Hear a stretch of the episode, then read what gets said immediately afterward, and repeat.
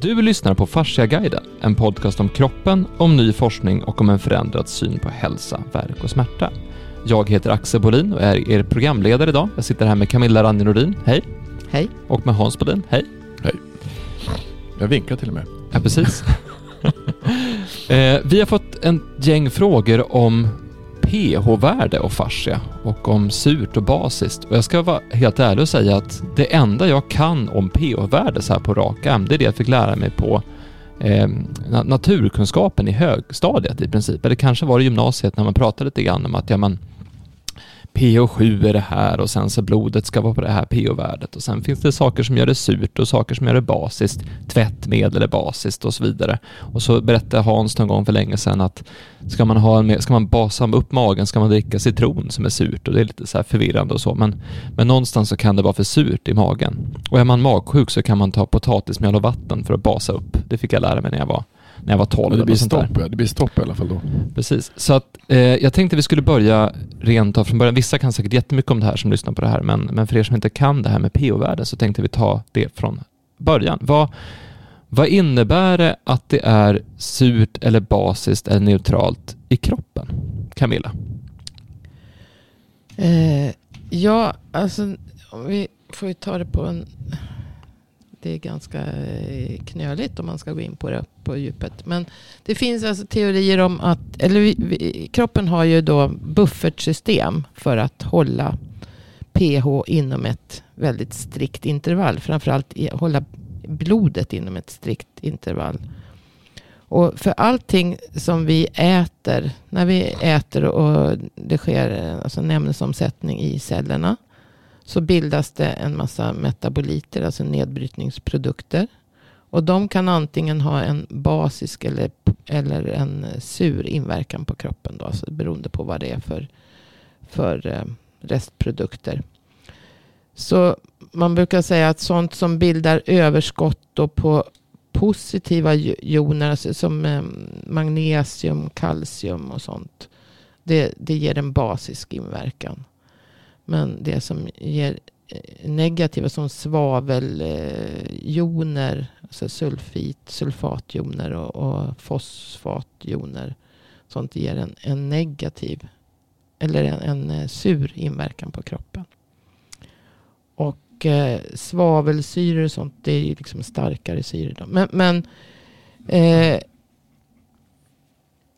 kroppen, alltså blodet måste hålla sig inom ett strikt intervall, säg 7,35 till, alltså pH 7,35 till 7,45.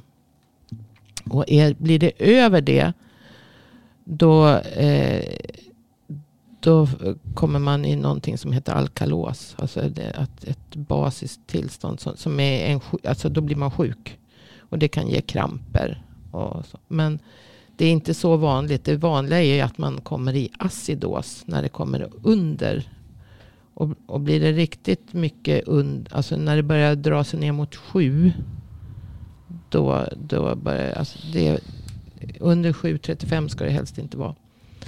Men då, då faller man in i acidos och det, till slut så hamnar man i koma där. Och det kan man alltså göra vid en obehandlad diabetes till exempel. Alltså det, eh, då får ju inte cellerna, eller vid en svält, då får ju inte cellerna eh, något, eh, ja, alltså en diabetes så har man ju brist på insulin. Så, som då, så cellerna får inte in sin energi, sitt socker. Och då kan man så småningom hamna i koma. Det är det som händer om inte en eh, diabetespatient får sitt insulinmedicin. Så att säga. Okej, okay, så blodet, där måste pH-värdet vara väldigt, men väldigt specif ja, och för det då så ha, har alltså kroppen en massa buffertsystem för att hålla det här väldigt strikt. Så att det är cell, alltså blodet ändrar sällan kemisk eh, eller eh, pH. Eh, så att säga, för då blir man sjuk. Så en acidos, alltså det, det är allvarligt. Då blir, då blir man väldigt sjuk. Eh, men sen finns det ju då ett, ett, ett tillstånd som man kallar metabolisk acidos. Som är ett mer låggradigt försurning av kroppen. Och eftersom blodet inte får bli surt så måste ju kroppen försöka sköta det här på andra sätt. Och vi har alltså buffertsystem. Bland annat så fungerar lungorna genom att vi andas ut koldioxid. Vi, eh, njurarna rensar ut sura joner. Och neutraliserar det med hjälp av ammoniak bland annat också. Alla, alla syror, så att säga, starkare syror. Och, men njurarna har ju en, en maxkapacitet vad de klarar av att, att eh, rensa ut så att säga. Och sen så kan vi också svettas ut en del. Och är man då sur och, och svettas ut så luktar det, då får man en obehaglig doft. Mm. Eh, och sen, eh, ja, alltså men, men så här, njurarna då försöker ju alltså eh, eh, neutralisera starkare syror med hjälp av ammoniak. Eller bildar ammoniak då. Men de har alltså en max, maxkapacitet. Och ju äldre man blir, när, när man blir äldre så, så minskar ju njurfunktionen. Så att det är vanligare att man, ju äldre man blir då, att man kanske blir lite försurad i kroppen. Mm. För att när, när inte njurarna klarar av det och när inte andningen heller klarar av att rensa ut. Det här är också, därför andningen är jätteviktig. Att andas som vi har pratat om förut. Då.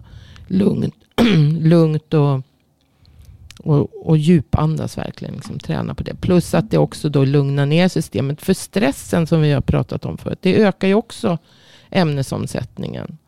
Och kan göra att vi blir mer försurade. Så, att säga. så all allting som vi gör, både fysisk aktivitet och mental aktivitet påverkar kroppen så att den blir sur. Alltså det här hänger ihop med oxidativt. Allting i kroppen hänger ihop.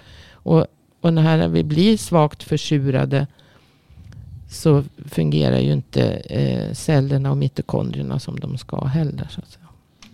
Men alltså när, när inte, eftersom blodet inte får variera i pH så måste ju kroppen, och inte de här buffertsystemen med andningen och njurarna, om de har nått sin maxkapacitet så måste ju kroppen försöka lösa det på något annat sätt. Och då lagras sura metaboliter in i, alltså protoner, in i vätejon, in i, um, i skelett och i fascia och även i celler. Kan vattnets kvalitet påverka eh, hur man, om man är sur eller inte sur? Det tror jag säkert att det kan göra. Kolsyrat vatten, är det bra det? Nej, kolsyrat vatten är inte bra. Vad händer då? Alltså, kolsyrat vatten är ju svagt surt då, så att då, det försurar ju mer. Mm. Jag träffade en karl som hade... Men nu är ju alltså kolsyra en svag syra och det hänger ihop alltså när vi med allting som vi förbränner i kroppen om vi har tillräckligt med syre. Mm. Så, så blir det ju koldioxid och vatten utav det. Mm. Och koldioxid och vatten i en, en vatt, alltså koldioxid ihop med vatten blir kolsyra också. Men det, det här hänger ihop med buffertsystemen också. Och kolsyran sen kan alltså bilda eh, karbonatjoner. Och, det minns inte du Axel, men, men innan du föddes så fanns det, det minns jag och Camilla, det fanns något som hette man fick sura skogar och sura sjöar. Minns du det? Mm.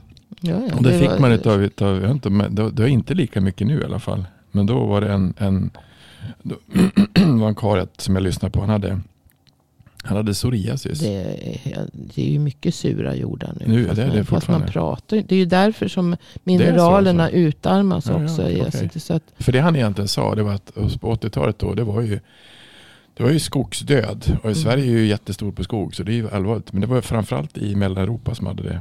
Eh, alltså i Polen. All, all svavelsyra som kommer ifrån luften. Och då, då, gjorde man så i, i Sverige så började man kalka sjöar. Mm. Så att man, man försökte få genom en kalk då få in mera kalk, eh, alltså öka pH-värdet. Och den där karln som jag, han, han, tyckte, så han träffade en kille som jobbar på Jordbruksverket eller vilka det som gjorde, som, som gjorde det där. Så tänkte han så här, men du om, om vattnet är surt i sjöarna, vad är, vad är vattnet i mig då? Då kanske, så att han började då tillsätta kalk. Och sen hade han något annat som han, han sålde, miner, nypon och eh, körde han och så körde han brännässla som mm. tillskott. Och vart då av en del. Brännässlan innehåller mycket kalk.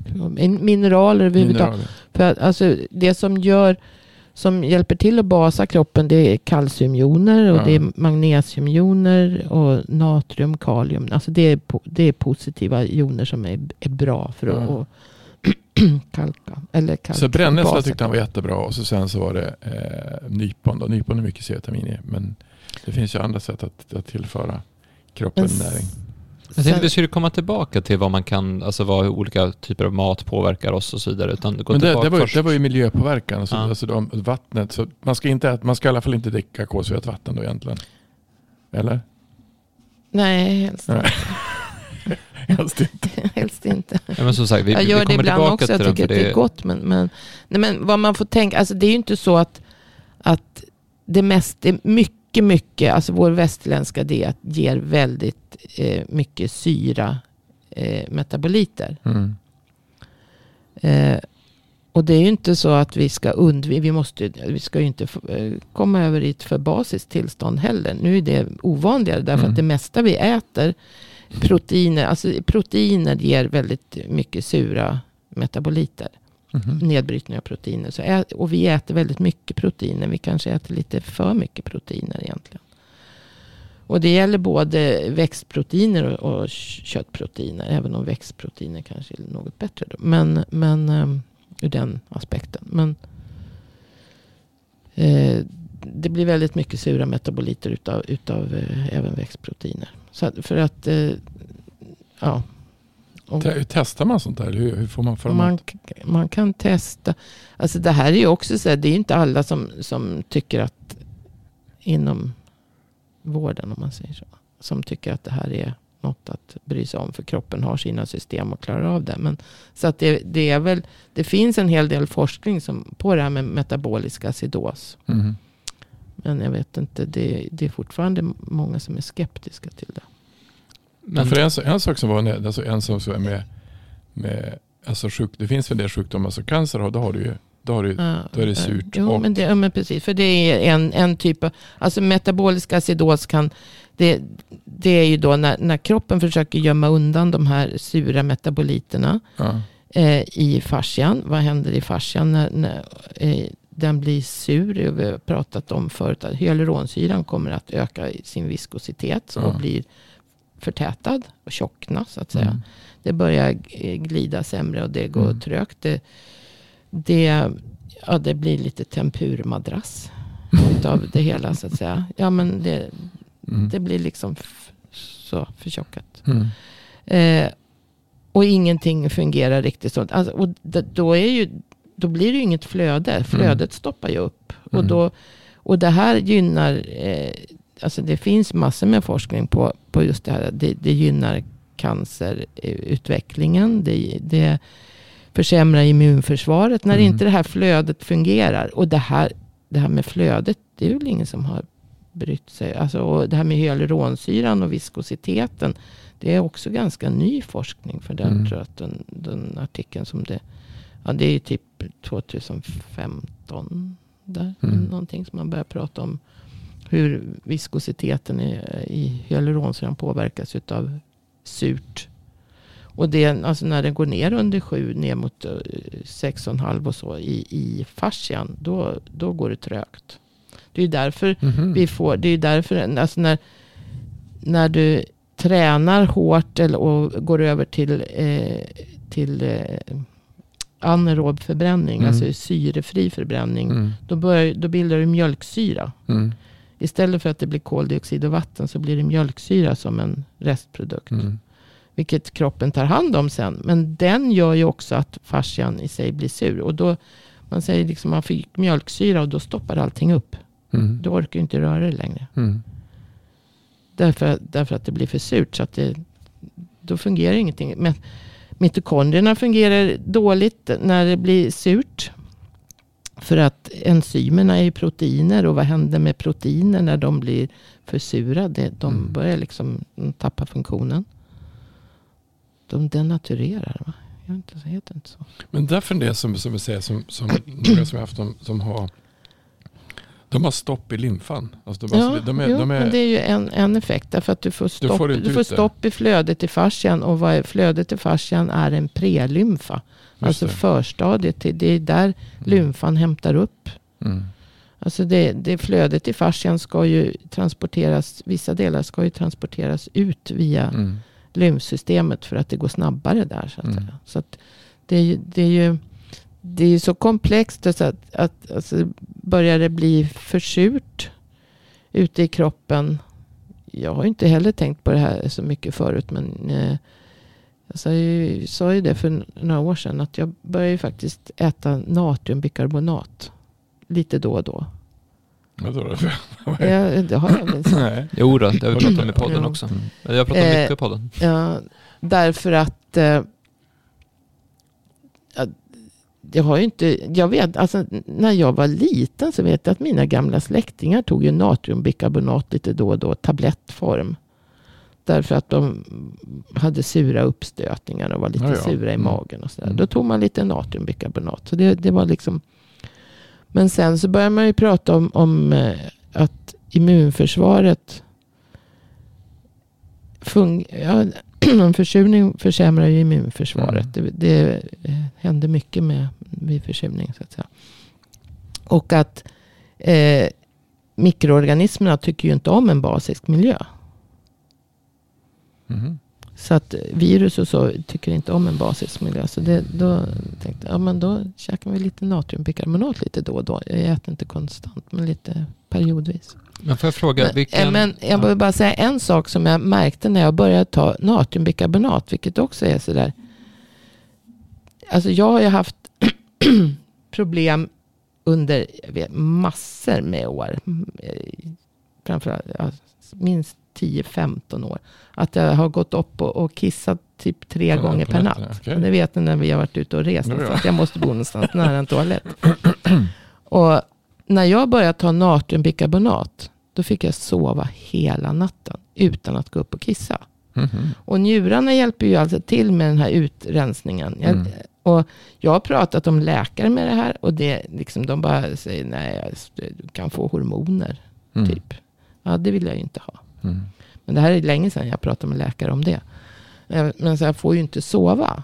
Det är jättejobbigt att gå upp två, tre gånger per natt. En gång, okej då. Men, men, men, Men sen, sen vara- varenda gång jag har tagit natriumbikarbonat så får jag sova hela natten. Mhm. För då, då behöver inte, alltså då, jag har inte funderat jättemycket, men eftersom njurarna hjälper till med utrensningen utav eh, eh, syror, alltså neutralisera syror och med hjälp av sina vätekarbonatjoner och, och så. Och eh, sen producera, ja, skickar iväg protoner då, ut i, i eh, urinen Mm. så måste det ju, det påverkar ju alltså njurarna och utrensningen utav syror. När jag då tar eh, natriumbikarbonat så basar ju det kroppen och då behöver inte njurarna jobba på samma sätt. Det är så, alltså det är, Men får jag fråga om, om, om allting är precis som det ska, om kroppen är frisk Mm. och fungerar som Mm. den ska, vilket eh, pH-värde ungefär har, har det i fascian då? Är det också runt sju då eller? ja jag tror det är, det är runt sju. det är ganska intressant Svag, att- sva, eller sju strax över, svagt basiskt. Svagt basiskt. Ja. För det är ganska intressant om man tänker på, vi har ju alltså, Det, alltså om du tar, får mycket mjölksyra så tror jag det går ner. Jag tror att det stod 6,4 eller något sånt där. Att det kan gå ner till det Mm. I vävnaden. men då, då, då någonstans är det så här, vi har ju någonting som heter en, en bassyrabalans. Mm. Och det finns, eh, i kroppen finns det olika eh, områden som ska vara i en viss eh, eh, syra och eh, alltså ha en viss eh, pH-nivå. Mm. Som blodet till exempel ska vara mellan 7,35 och 7,45. Fem. Mm. Mm. Och fascian ska vara någonstans mellan Ja, 7 och 8 ja. säger vi. Ja, inte så högt som 8 inte. Okej, men den ska också Nej, vara men säg, någonstans så, där. så, alltså, ja. När jag säger svagt basis så menar jag kanske 7,17. Ja, men jag menar, den är ungefär samma, runt 7. Och sen så ska magsäcken, den ska vara sur. Och där är det surt. För där ska är syran jobba för att bryta ner. eh, Ett och halv. Ja. ja. Så olika delar av kroppen ska ha olika syranivå för att hantera det som händer och de processer som finns Mm. någonstans. Tarmen får ju inte vara sur. Så tarmen tycker ju inte heller om... Alltså mikroorganismerna i tarmen mår ju också dåligt utav att vi blir försurade. precis. För att då ändrar sig tarmfloran. Så att det finns ju vissa mikroorganismer då som tycker om en surare miljö. Men det är inte de som, Som är, posit- som Mm. är positiva för oss. Och då kommer de som vill ha en mer eh, neutral eller åt det svagt basiska, eller ja, runt, runt sju. De kommer ju att att eh, dö när det blir för surt. Då, då. Och då kommer de andra att ta över. Och då har vi de här mycket sjukdomsframkallande. Eh, eller skadliga mikroorganismerna. Och då, det kommer ju att göra att, att eh, kroppen som helhet också får en sämre hälsa. Så att säga. Men sen de här sura metaboliterna, de, när de lagras i skelettet. Så kommer det att kalka ur skelettet. Därför att då försöker ju skelettet avge kalcium. För att kalcium neutraliserar de här sura.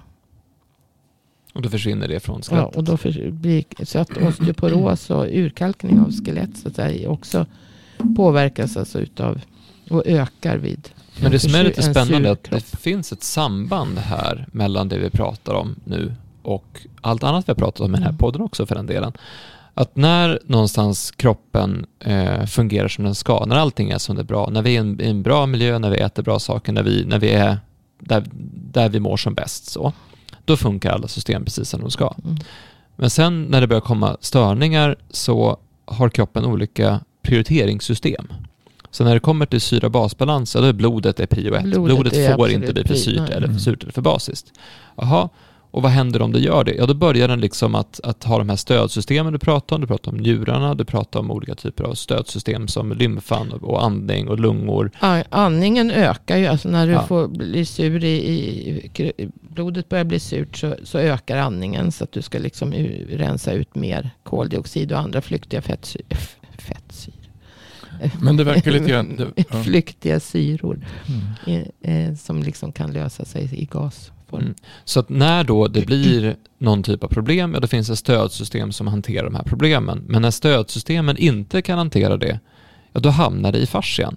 Och visst är det ganska intressant att det är någonstans i fascian som all, all överbliven skit verkar hamna. För det är samma sak när det, vi... Eftersom hela kroppen består av fascia och, och man, kroppen vill försöka det, det kan också lagras in i celler finns det forskning på. Men, men eftersom kroppen vill försöka skydda blodet Mm.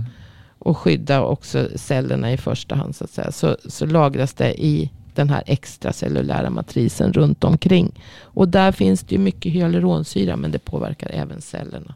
För vi pratade om det här med om man får ett överskott av socker Mm. så kommer sockret in i tarmarna och så sen så blir det för mycket. Då börjar det läcka ut från tarmen och sätta sig i fascian och där kan det bli karamelliserat. Och då är det ju framför allt runt i ryggområdet som det här sätter Mm. sig eftersom att tarmarna är där då. Men när det kommer till det sura eh, för att om, om du får för mycket socker i tarmen då läcker det ut, sätter sig i ryggen som är nära tarmen. Men vad händer om du får ett för surt blod? Är det då Alltså är det något lokalt ställe eller blir, blir pH-värdet sänkt över hela fascian runt om hela kroppen? Jag tror inte man får för surt blod, får man det? Nej. Nej men det är ju det som kroppen nej, skyddar. Nej, nej, men alltså det... Jag vet inte om det finns vissa ställen som är med. Men alltså det sätter sig ju i fascia. Man blir ju stel i leder. Det, ser man, det kan vara. Mm. Så vissa leder kanske... Eh, man, man tror ju reumatism, att det ökar på utav försurning. Gikt till exempel, det vet man ju att det, det är. Eh, och Alltså det är massor med, för vi har ju med- pratat om med fascia som ett här globalt kroniska system. sjukdomar som, Mm. som alltså påverkas utav försurning. Eller egentligen kro- kroppens flöde som ett globalt system. Då blir det ju, Ja, för då, och då så blir det, så ju- det hänger ju ihop, för flödet slutar fungera när det blir Ja, surt. men då verkar det som att om, om du tar det som du tog Axel som, som, som diabetes typ 2. Eller diabetes som finns. Det är ju, och det har ju väl Ann Fernholm, vi visade, pratade om förut, att hon har visat att det finns karamelliserat socker i fascian. Det är som en mellanlager socker därför att det är så mycket yta som finns i, i, i den extracellulära matrisen. Så där kan vi stoppa lite grann som finns. Men det verkar som att samma sak gör man med, med, med, med, med det som är för surt. Det, det lägger vi också, för det är inte hela, inte hela fascian som blir sur, eller är det så? Jag tror att du är ganska sur rakt över faktiskt. Om det. Man skit, man, man bara... Man, st- Ja, men det, det stoppar- som är intressant, för stoppar det är som en, bara. det är som en, ex, det är som en, eh, en soptipp där Ja, man dumpar precis. saker. Är det som ett, eh, du vet, de här plastgrejerna som man dumpar till Ja, i havet? Man havet, bara dumpar precis. det där för att man inte kan hantera det. Mm. Och det är en ganska, en ganska intressant sak som, som kroppen gör. För då, då visar det någonstans dels hur, hur eh, vilken förmåga fascia har att ta emot och avlasta tryck som vi pratade om i förra Mm. avsnittet och hur det här det här kan bli för mycket. För det är det som någonstans händer. Att, att okej, blodet får inte bli för surt. Så att Mm. när blodet riskerar att bli för surt, då sätter vi in stödsystem. Stödsystemen måste fungera. När stöd, stödsystemen inte klarar av det längre, då dumpar vi det i fascian. Mm. Vi får för mycket socker i tarmen. Oj, nu hanterar vi det här. Men när vi inte kan hantera det längre, då, då stoppar vi ut det i fascian. Mm. Vi får för mycket tryck i kroppen för att vi har råkat ut för en smäll eller ett, ett sätt att vi, så att vi sitter på ett speciellt sätt eller vi rör oss på ett speciellt sätt. Okej, då får fascian hantera det här. Så att fascian jobbar hela tiden för att ta hand om allting vi utsätter kroppen för som blir för mycket. Mm. Och det är där, men det svåra som du tog upp, tog upp förra gången Hans, är att hur tusan diagnostiserar man det här? Alltså hur tusan ser man det här i fascian? För det var ju det som är det, problemet med om vi har någonting som vi har inte tittat på överhuvudtaget Mm. på det sättet förrän alldeles nyligen. Mm. Och så sen så, så har vi, det är där vi har lagt undan all, all skit. Och det där ligger liksom och jobbar och vi pratar om att halveringstid på socker var väldigt, väldigt, jag tror det var 100 år eller någonting för sockret att försvinna från vävnaderna om man inte får bort det på något sätt. Och samma Ja, sak det, jag, tror, jag tror att det är bara det. det, jag, tror att det är, jag tror att det är samma typ av vetenskap som man sa med, med, eh, med, eh, med proteinsyntesen som var med att man ska kolla på med hur ombildas eh, bindväv, nej, brosk.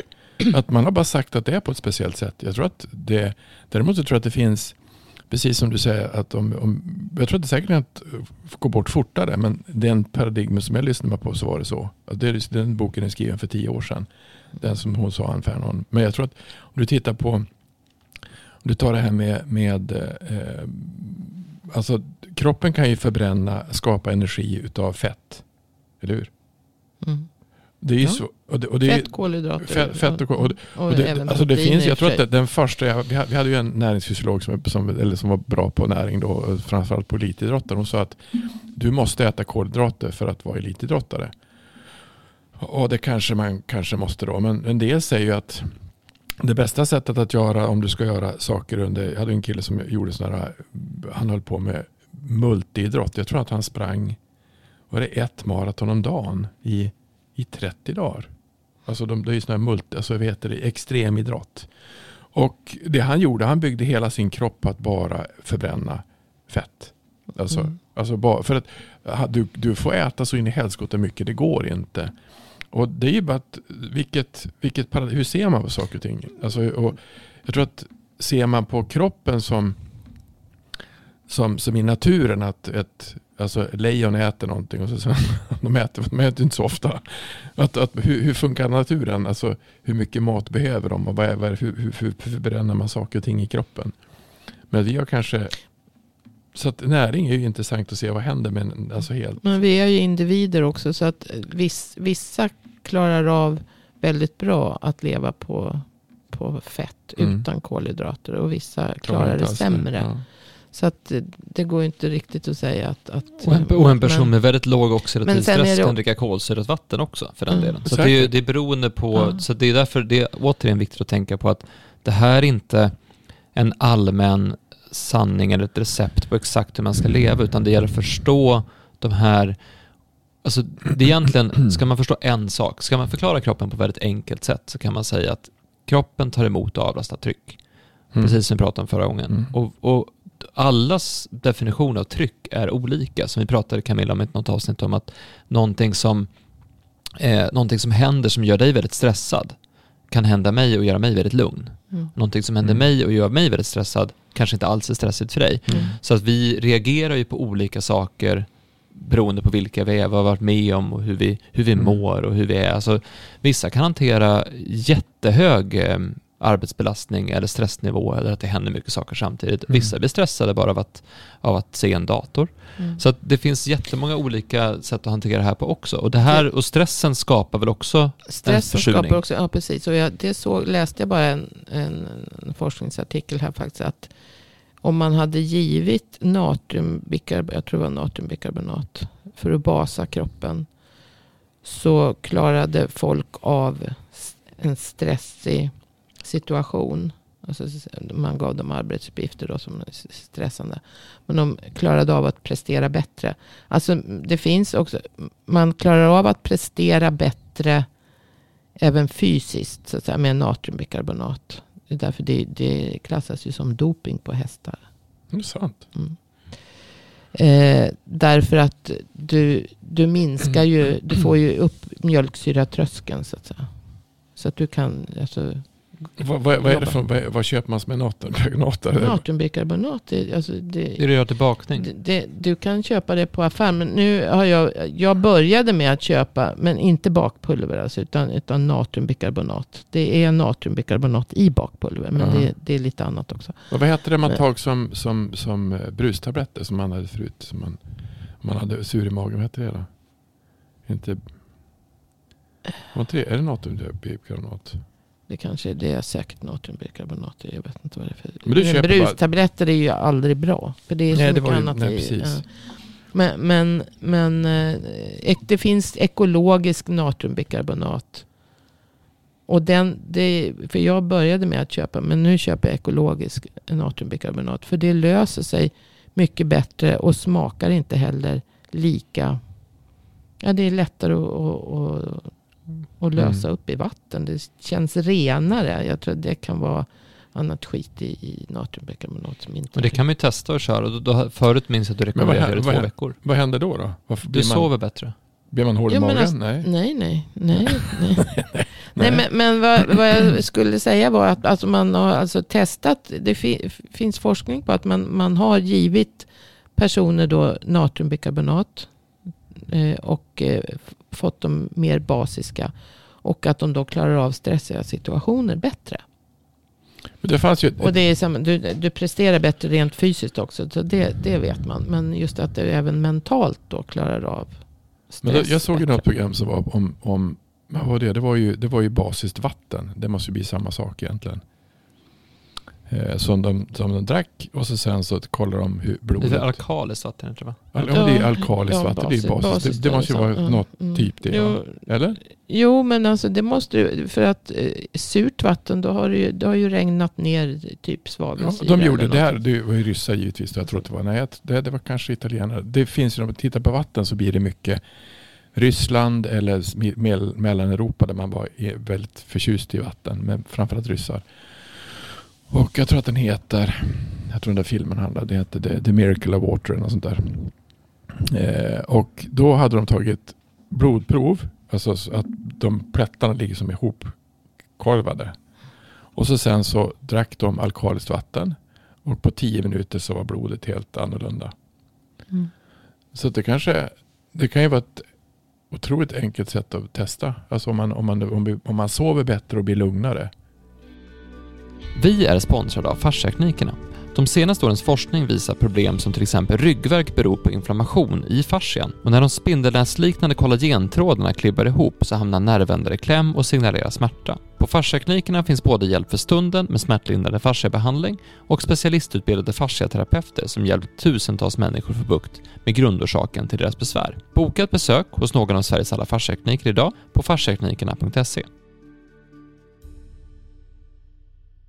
Vi har alltså ett, ett system, våran kropp, som fungerar ypperligt bra. Fantastiskt bra kropp har vi som ställer upp allt möjligt tokigt som vi håller på med.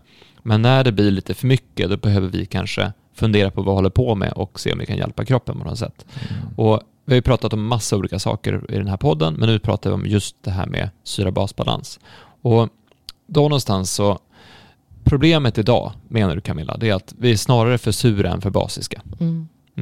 Så att det är väldigt få som kommer Jag behöva... jag är, jag är försurad också. Ja. När inte jag hjälper till med natriumbikarbonat så är jag... Och tyvärr måste man väl göra det ett tag. För det tar ganska, precis som med sockret, det tar tid att rensa ut kroppen från Mm.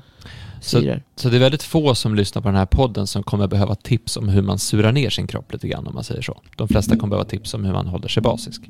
Och då undrar jag först och främst, om vi fokuserar på att basa upp då. Vad är vad kan man göra, alltså inte ta, utan vad kan man göra för att vara mer basisk. Du pratar om andning. Mm. Så att om man djupandas så kan man bli mer basisk i kroppen. Varför Djup, då? djupandning därför att det rensar ut koldioxid. Hjälper till. och andra flyktiga syror. Det där jag menar, samarin. Samma, just det, det är precis. Det är samarin. Men för, men för, att, få i, för att få i... det, samarin är, det är natriumbikarbonat. Ja, det. det är- ja, precis. Det är bara det att det Fast det är är, skor, det är fel sort. mycket, mycket dyrare kilopris på det än på Och så är det ju brustabletter. Är det det? Ja, det är pulver va? ja. Hur som helst. Eh, så, om man ska... Djupandning gör att man blir basisk. Och vad, då är det alltså att du får ut mer koldioxid och får in mer syre. För man, man blir mer basisk av syre då, eller? Av en högre syrehalt i... i Ja, alltså du, för att en, en hög, du behöver ju syre för att få en förbränning som ger koldioxid och vatten så att det inte blir en massa mjölksyraproduktion. Okej, så djupandning är ett, sak man kan göra. För, för mycket syra så att säga gör ju att, eh, alltså får du syrebrist i kroppen så får du mer mjölksyraproduktion och, och utav det så får du en högre kortisolproduktion. Eller, ja, så att kortisolet ökar när du blir sur och, och stressnivåerna. Alltså, alltså allt det här påverkar varandra. Så det, Så då borde ju all typ av avslappning eller att vara ute i skogen eller vara ute i oxidativ vattnet eller... stress ökar utav, utav försurningen. Mm. Så samma, samma tips på att minska oxidativ stress är samma tips som att minska försurning. Så att Mm, eh, mm. eh, ta promenader i skogen, eh, djupandas, eh, avslappningsövningar, alltså se till att hitta det här lugnet och Mm. harmonin. Det är saker man kan göra för att bli mindre sur. Ja. Eh, och då, då är det saker man kan Det- göra det, då. Det finns alltså, forskning på just det att, att eh, ja, men, men naturen så att säga lugnar ju. eh, Men det med hästar, att, att det är dopingklassat, det tycker jag var rätt intressant. Jo. För Du pratar om natriumbikarbonat, vi kommer tillbaka Ja, dit. men alltså att, att det är så bra. Ja, det, det. Så jag får ju sova på nätterna. För det är en sak man kan ta i alla fall, det är natriumbikarbonat. Och det är ett Mm. sätt att, det är, det är ju då basiskt, antar jag. Och då drick, Ja, det tar man det ja, tillsammans det är med vatten Det- och kommer det- in i systemet. Det, det är ju alltså karbonatjoner och det neutraliserar syr, syran då. Mm. Mm. Så att det, det är ett sätt att, att hjälpa kroppen. Sen, eh, sen finns det väl olika typer av eh, mat som är basisk som gör att man blir... Jo men precis. Det är ju det, det, är ju det som är problemet. Att vår västerländska diet och det vi tycker om att äta är ju det mesta utav det är syrabildande. Så att säga. Men, så men vi börjar på den andra fronten. vad, som är, vad som är basande. Vad är, vad är det för någonting? eh, grön, de flesta grönsaker utom eh, de med högt proteininnehåll. Alltså som typ bönor och le, legumer. Då. Men de flesta grönsaker är... Inte potatis.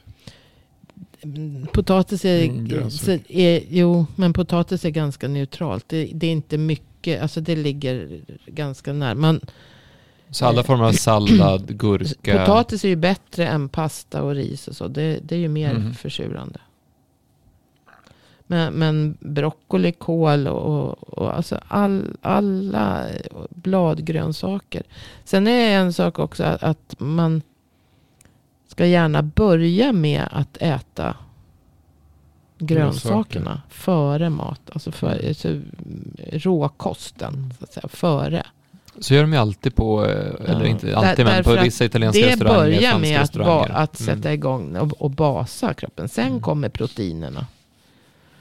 Eh, Så att man äter sallad först ja, och sen precis. äter man mat. Ja, Mm. Äter du frukost Äter nu? rå, råkosten först så att säga. För att de, all råkost i princip hjälper till att basa kroppen. Mm. Och sen säger, om man ska vara hälsosam så säger man att man ska äta 80% av det som basar och 20% av det som ger syra. Och det, det är ju, ja, om man inte är väldigt hälsomedveten så är det väldigt svårt. Så en kost med mycket mer är, man, grönsaker. är man vegan så kanske det går. Men, eh, Så en, en kost med mycket mer grönsaker. Mm. Och så sen så kan man då, vad ska man säga? frukt, hi- man säger ju frukt också. Men, men frukten, det, i och med att den har blivit sötare så är den sämre. Mm. Men, och det är lite samma sak med, med grönsakerna. För att det beror på var de har vuxit. Har de Mm. vuxit på sura jordar. Så är, innehåller de inte lika mycket magnesium. Och, och, och det där jag pratade om förut. Hur, hur magnesium, kalciumnivåerna har sjunkit i, i grönsakerna. Och då är de inte lika basande längre. Så att, det- hade ju, visst, så att det, vi får ju mer och mer surgörande mat. Alltså även, även det som egentligen är basgörande mm. har ju en sämre basgörande effekt därför att det tappar mineralinnehållet. Utav de Hur, hur mineraler känner som man bas- om man är sur då? Jag tror att man, ja alltså blir fascian, du blir stel. Du blir Mm. stel i leder och när fascian inte blir, eh, viskositeten så att säga ökar i, nu när vi vet om att det händer med hyaluronsyran. Så först, då, då glider ju allting mycket trögare och det, det påverkar ju ledkapslar, det påverkar leder. Det påverkar alltså all fascia. Det påverkar, du kan ju känna dig stram och du, du blir, jag säger lite tempurmadrass. Säger jag. Okej, Alltså, så så att är du riktigt så. försurad. Alltså, behandlar du en människa som, som är som, det är ju många som säger åh den är så stel. Då, då lovar jag att det är väldigt surt där. Mm. Och då alltså bör man se över vad man, vad man ska gå mer åt att äta olika typer av grönsaker men också börja känna efter på var kommer de här ifrån. Eh, Mm. Börja titta på odlingsland, odlingssätt och så vidare. Eh, där kanske en fördel att, att eventuellt köpa mer ekologisk. eh, för Absolut, Ekolo- ekologiskt är, är, är ju bättre. Än, än att, det därför att då har du inte tillsatt alltså, konstgödningen MPK. Det gör det Då mer surt. tillsätter du Mm. eh, kväve en. Det är det som får... Det, det är ju också en, en restprodukt som blir utav eh, proteiner. Så att. Men, men, och sen P, fosfor. Det, Mm. det surgör. Och kalium då i och för sig surgör inte. Det är basiskt. Men, men eh, Jag satt och sök, sökte på domer. Alltså när det som vi har fascia är ju en typ av en dom. Alltså strukturer. Men det finns ju en, Backminster Foley gjorde domer. Så jag sökte på nätet och det som har hänt nu efter pandemin som har varit. Så är det finns flera stycken eh, tillverkare som har tagit fram eh, runda, alltså domer som växthus. mm. Som man kan ha då, eh, som man kan sätta upp som är för typ året. Globen fast ett växthus.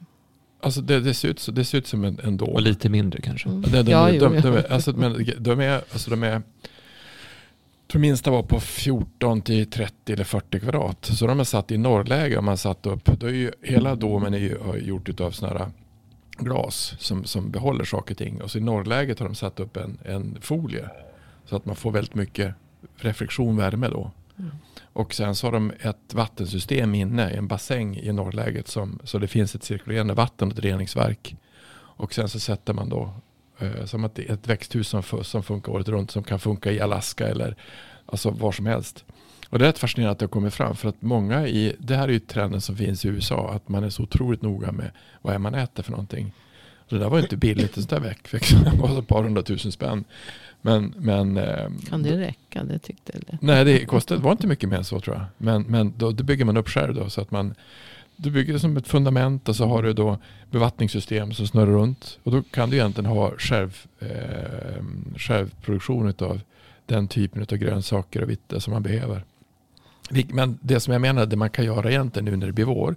Man kan ju faktiskt ta och sätta egna grönsaker.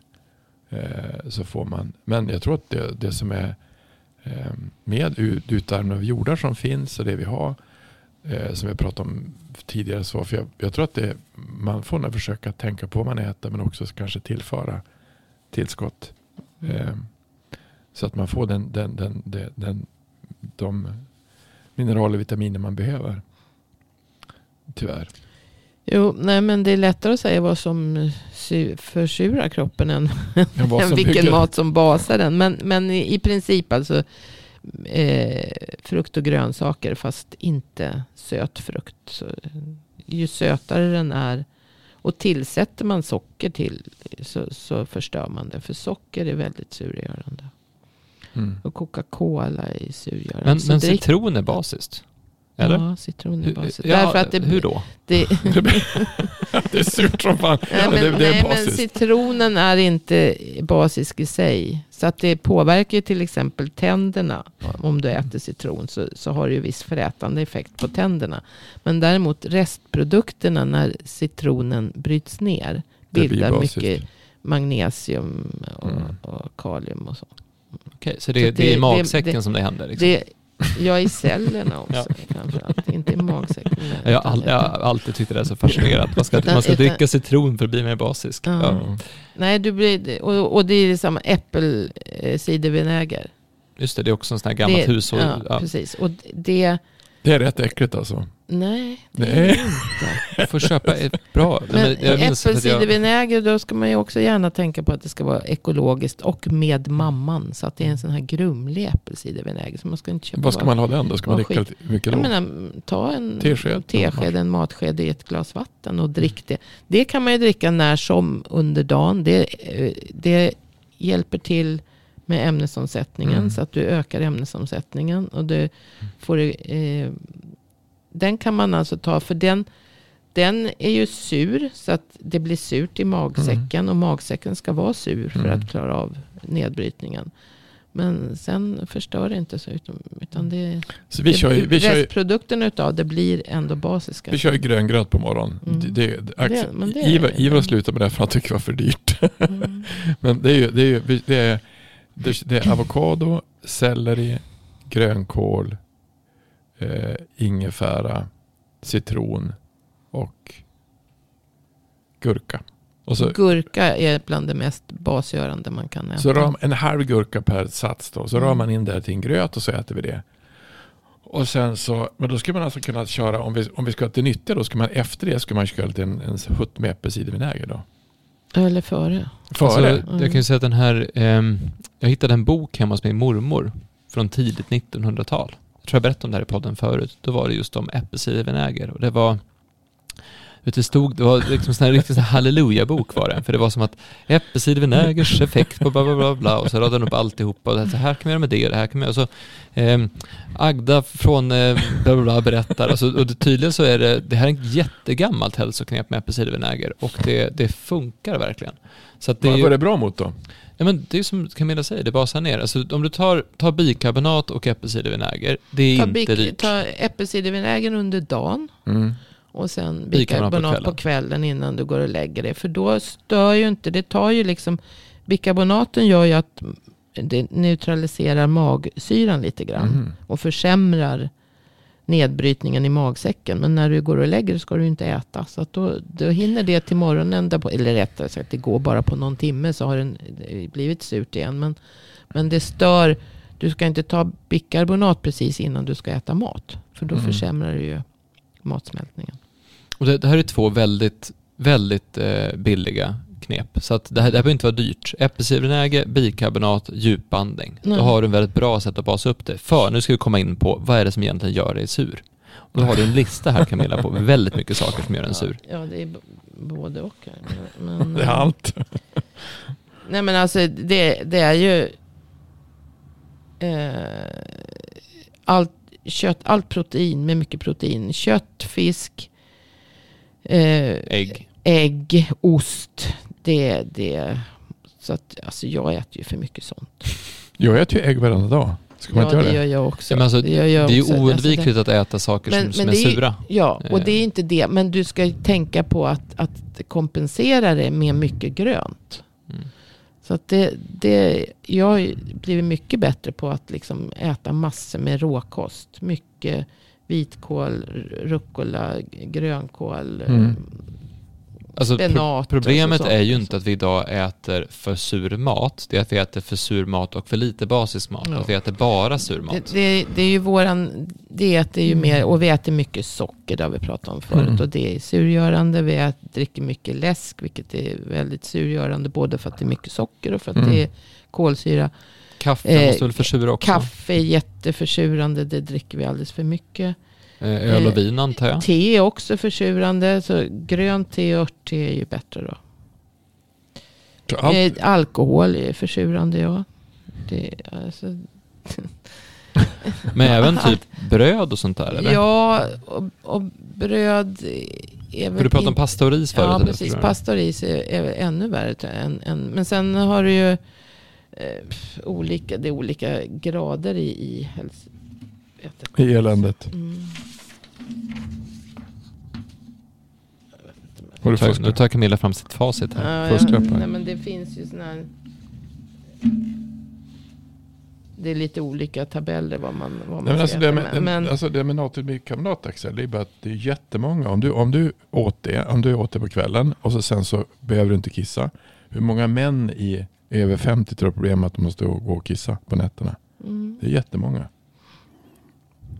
Det, det, det, jag kan inte garantera att det men, men just om, om man är försurad, vilket jag tror att de allra flesta som inte är extremt hälsomedvetna är. Mm. Så fungerar det ju och man har problem med att man kissar som kanske beror på det då. Mm. Och jag lovar att jag har varit, jag är ju fortfarande jättesur. Jag, jag har inte testat, man kan ju testa med lackmuspapper, morgonurin. Och då ska det ligga mellan 6,5 och 7,5 säger man. Just det. Eh, och eh, ligger det under 6,5 då är man eh, sur. Och ligger det över 7,5 då, då är risken att man är jättesur. Vilket är, därför att då har kroppen börjat med eh, att bryta ner vävnader för att när inte njurarna längre klarar av att neutralisera, ja då måste vi ta till någonting annat. Mm. Och då börjar vi bryta ner eh, muskler, eh, vävnader för att få ut glutaminsyra. Alltså eh, en aminosyra som då är bas, Mm. basande. Eh, för att bilda ammonium. Mm. Ammoniumjoner då som alltså för, för den här ammoniaken. Och då, då har kroppen liksom börjat bryta ner sig själv. Och då kan man då lura sig genom att det blir för mycket ammoniak. Så att säga. Mm. Ammoniumjoner som är väldigt basgörande. Som då kan mätas som att det, det är basiskt. Så är det väldigt basiskt urinen så är inte det bra heller. Utan det ska, den ska ligga runt sju. Har du testat det hur länge? Nej. Nej, jag har inte testat den. Men om vi, om vi säger så här Du törs inte vadå? Vi, vi utgår Nej, men jag, de, jag känner, alltså det, det tar lång tid att, om man ska ändra om allting och sen försöka basgöra sig så att säga. Så, och man är metaboliskt eh, Sur. lite sur så, Mm. så tar det lång tid att rensa ut det. Och det är ju inte så att det bara för att jag tar natriumbikarbonat en, en dag eller liksom försöker äta bara grönsaker eller så. så Har du testat den vattenfastan? men jag, nej, jag kör ju bara metabolisk, eller vad säger jag, intermittent fast, eller periodisk fasta. Mm. Men det är också bra eh, för att eh, minska försurningen. Därför att det rensar ut. För vattenfasta måste vara fantastiskt bra. Mm. Och dessutom om du kör det med lite basiskt vatten. Eh, det, vad jag har börjat med som är, är så väldigt, väldigt bra. Jag Mm. börjar varje morgon. Jag har hela tiden en kanna citronvatten stående på bordet. Okej. Så jag pressar minst två Citroner. citroner om dagen. Mm. Och har nere i en karaff med vatten. Mhm. Och den står inte i kylskåpet, den står på bordet. Och då, då, varje morgon börjar jag med ett glas citronvatten. Mhm. Och sen dricker jag det under dagen. Jag dricker inte det innan jag går och lägger mig. Då dricker jag vanligt vatten och natriumbikarbonat. För att det blir ju surt på tänderna annars. Man ska inte sura ner tänderna innan man borstar dem. Så man får liksom ta det efter, efter tandborstning. Mm. Alltså på morgonen. Men vi säger nu så här att vi, vi utgår ifrån att alla som lyssnar på den här podden är lite sura. Att alla som sitter här är lite sura. Mm. Fast inte i humöret utan i Mm. kroppen. Eh, och så sen så uppmanar vi ju folk att göra de här, de här små sakerna som gör den stora skillnaden. Alltså att, att göra det här med till exempel med djupandning, eller att ta äppelcidervinäger, eller att ta olika typer av tillskott som basar upp som magnesium till exempel. Eller att eh, ta äppelcidervinäger, eller, alltså de här små sakerna hela tiden. Inte att, att, att bara eh, nu ska jag vara super, superbasisk och köra all in på en vecka, utan att man gör de här små sakerna hela tiden, så att man kommer upp på en pH-nivå. Men kan man, kan man bli för basisk och hur märker man det? Om man skulle verkligen gå man all in kan, på det man kan bli för basisk. Och hur Men känns jag det? Tror, jag tror inte att det i princip är möjligt. Med, Ser man på med, utstrålningen? jag tror inte att det är möjligt med maten. Men däremot visst börjar du käka för mycket natriumbikarbonat kanske det kan bli det. Och vad, vad händer då, då om man blir för basisk i kroppen? Ja, då kan man få kramper. Okej, så stelhet, då, då, är det, då är du förmodligen lite sur. Mm. Men får du kramp, då är du förmodligen lite basisk. Det, eh, ja, det beror på på vad det är för kramp förmodligen. Men eh, kramp kan man ju säga att det är brist på magnesium och det kan vara B-vitaminbrist och olika. Men och, och su, surhetsgraden kunde du testa genom att, genom att kissa på ett eh, lackmuspapper och Mm. se, då ska det vara då Mor- mellan, morgonurin. ja, det ska vara mellan 6,5 och 7,5 sa du ungefär va? Mm. Men om man då är basisk, eh, hur, testa, hur kan man testa det? Samma.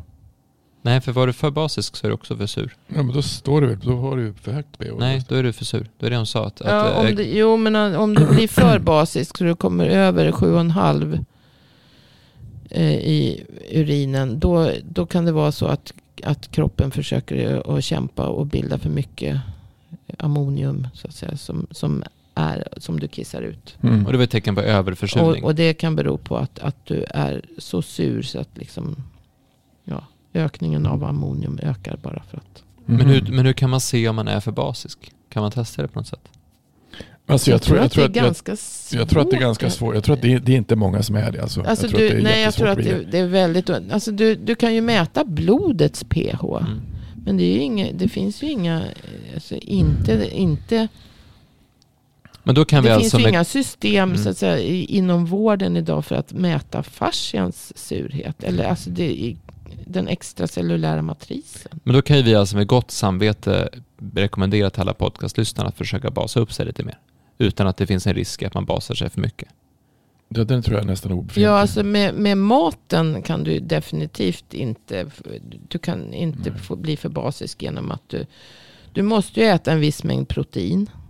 Alltså annars får du ju proteinbrist. Så att blir, det, det kan du ju få om du blir för nitisk och, och liksom försöker så kanske du kan få proteinbrist istället. För det är ju viktigt att få i sig rätt proteiner, rätt aminosyror.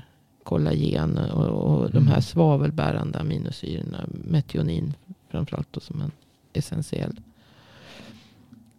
För att kroppen ska fungera och enzymsystemen ska fungera. Och får man då bukt med den här försurningen i fascian så är det en sak mindre, ett tryck mindre som kroppen behöver avlasta. Mm, mm. Och då går det lite hand i hand Det, också med den det finns ju forskning på att ryggverk också förse, alltså blir, eh, kommer utav försurning. Och det har ju också att göra med det som sa, att hyaluronsyran tjocknar Mm. och fascian fungerar inte. Så eh, det finns, och att det har blivit bättre med eh, bikarbonatbehandling. Mm. Mm. Men det är en, halv te, en tesked bikarbonat varje kväll. Mm. Mm. Sen Och en man- matsked äppelcidervinäger varje morgon. Då, har man, Ja, då gör en man det för tesked på morgonen och en tesked på lunch. Alltså det, Mm. Och det är ganska lite man behöver göra egentligen för att ta hand om sin kropp med tanke på hur mycket kroppen gör för att ta hand om oss om man säger så.